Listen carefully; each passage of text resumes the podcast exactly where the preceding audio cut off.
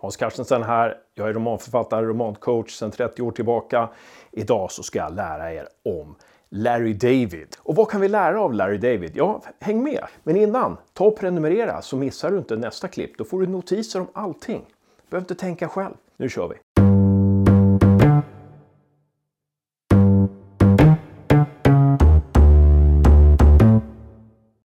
Jag vill lyfta fram fyra stycken saker i Larry Davids sätt att tänka.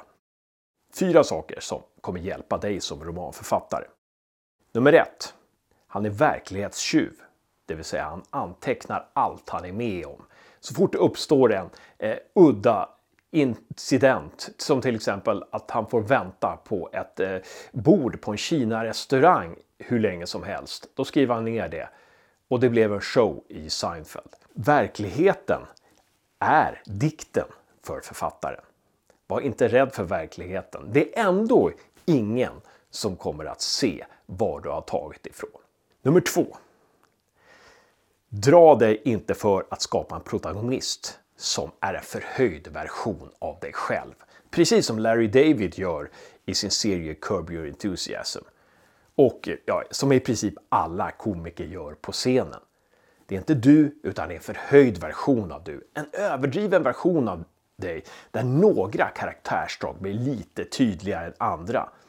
Larry David har ju fått eh, frågan i intervjuer, eh, är det du det där? Nej, jag önskade att jag var den där karaktären i Curb Your Enthusiasm. Jag önskar att jag var den Larry David, för den Larry David gör, vågar göra saker som jag inte vågar. Låt karaktärerna i dina romaner våga sånt som du själv inte vågar. Det betyder att du kan använda dina berättelser för att iscensätta sånt som du inte kan göra i ditt vanliga liv. Har du en mamma som du inte kan prata med, jag menar, iscensätt den mamman i en roman där du kan prata med henne och säga det du skulle vilja säga. Och kanske se om hon kan svara tillbaka. Övning 1 går ut på att du listar fem stycken saker som du skulle vilja göra men inte vågar.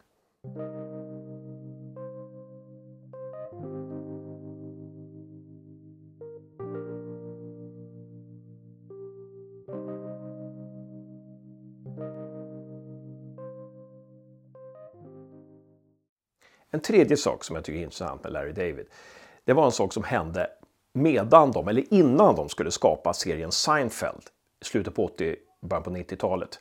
När Larry David och manusförfattaren Larry Charles gav sig ut på promenader i Los Angeles. De gick och gick och gick för att försöka knäcka koden. Vad är den här serien?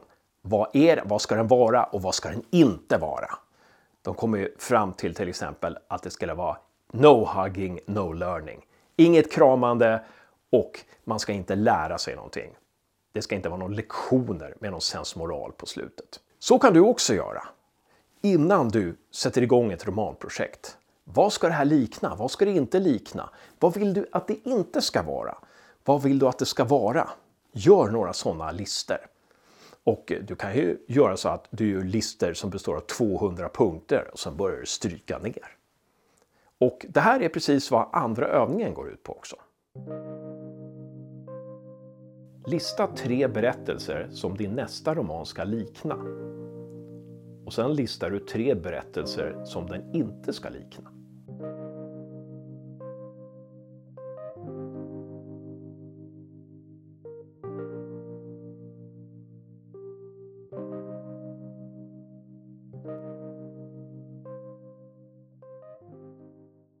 Fjärde och sista grejen som jag fascineras av när det gäller Larry Davids skapande. Det är hans sätt att skapa Curb Your Enthusiasm. Där han inte skriver ut dialogen. Utan där varje scen istället är skapad innan så att skådespelarna vet hur de ska improvisera dialogen. Den här skissen är just själva grejen som jag är fascinerad av. Den här skissen för en scen där Larry David skissar nyckelord för de vändpunkter som kommer på vägen. De här vändpunkterna ska skådespelarna sikta mot när man improviserar dialogen. Så kan du också jobba. Istället för att börja skriva scenen direkt, sätt dig och skissa den. Skriv in några nyckelord och skriv in några stolpar, några, några milstolpar du ska passera på vägen under den här scenen. Det är ju bra, som jag sagt förut, att det finns friktion i varje scen. Väv gärna varje scen kring någon slags friktion. Hoppas du fick med dig någonting och fick du inte det så kommer ett nytt klipp nästa vecka. Bra va? Och för att du inte ska missa det så ta och prenumerera också. Lycka till med romanerna!